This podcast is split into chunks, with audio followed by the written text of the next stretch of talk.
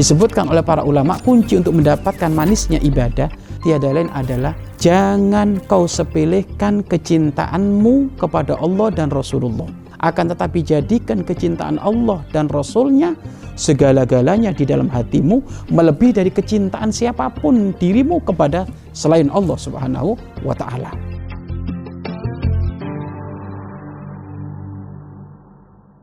Bismillahirrahmanirrahim. Assalamualaikum warahmatullahi wabarakatuh. Alhamdulillah. Alhamdulillahi rabbil alamin. Wa bihi nasta'inu ala umuri dunya waddin.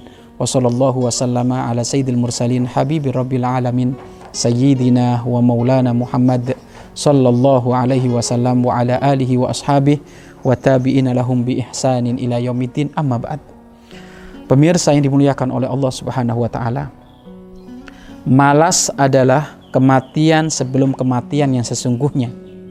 Dan obatnya adalah menghadirkan pengharapan besar di dalam hati kita untuk bisa bertemu dengan Allah dan bertemu dengan baginda Nabi Muhammad SAW di surganya.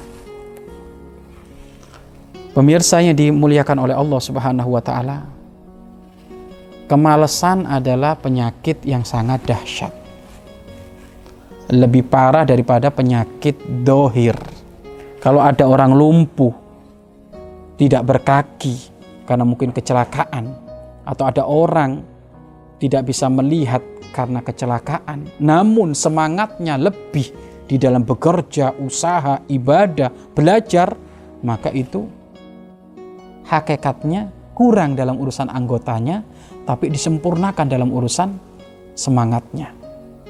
Maka males ini adalah ya afatul ulum, Males itu ya malah petakannya ilmu, malah petakannya usaha, malah petakannya kemajuan. Dan siapa pun nggak seneng di dikasih predikat pemalas nggak seneng, nggak ada itu. Kalau sudah ada orang pemalas kamu hatinya tentu dek duh nggak enak dibilang kayak gitu. Tapi banyak orang dibilang pemalas tapi nggak segera bangkit.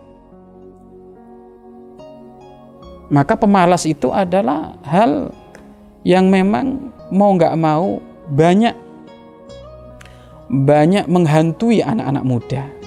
Malas dalam belajar, malas dalam bekerja, malas dalam usaha, malas dalam urusan ibadah.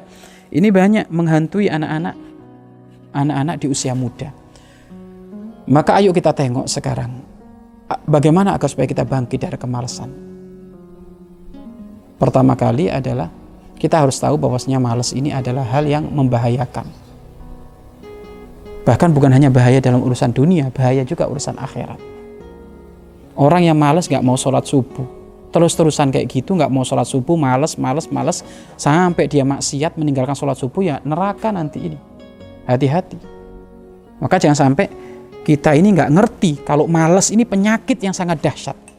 Ya, maka harus dilawan. Solusinya harus dilawan, dilawan, dilawan. Cara melawan males itu bagaimana? Satu, satu segera bangkit jangan diikuti.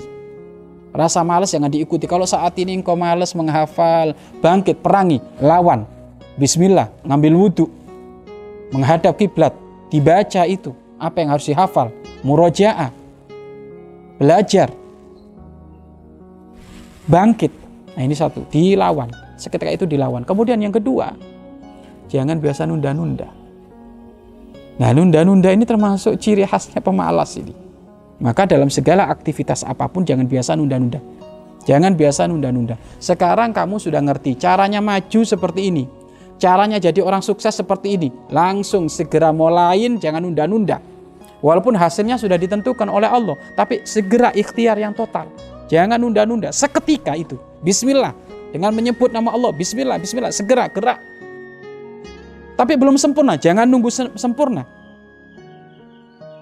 La tantadir siha fa'ina tidara siha batolah. Jangan nunggu waktu yang sempurna, luang karena itu semuanya bohong.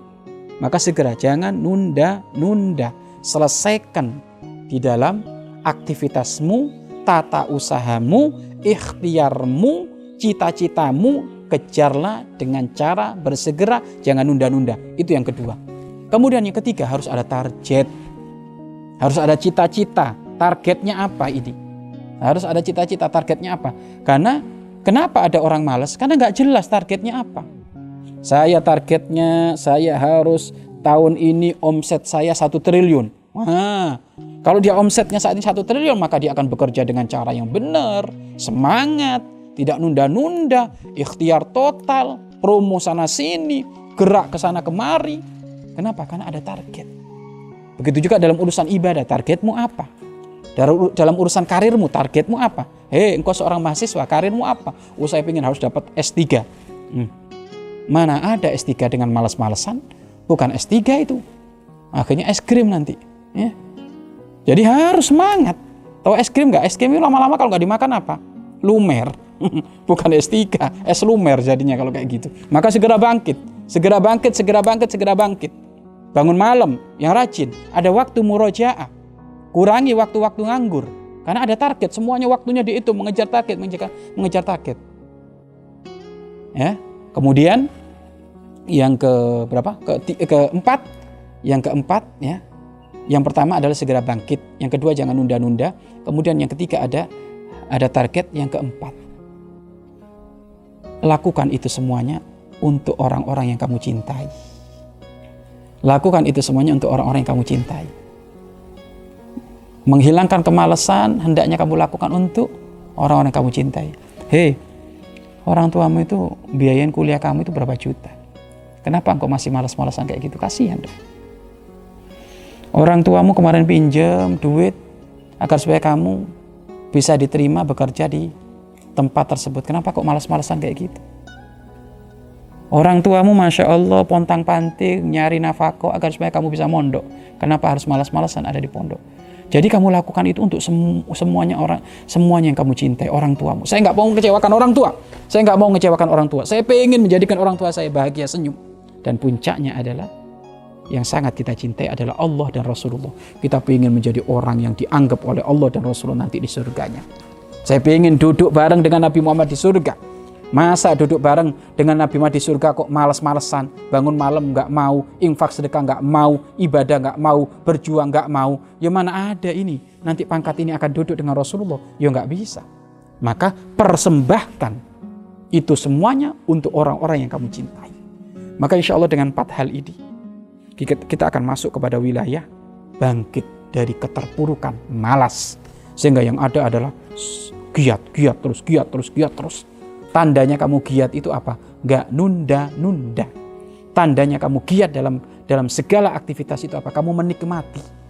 Dan ada inovasi, ada, ada evaluasi, itu tanda kamu bangkit dari sifat kemalasan.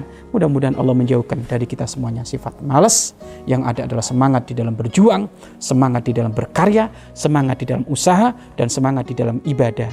Wallahu a'lam bishawab.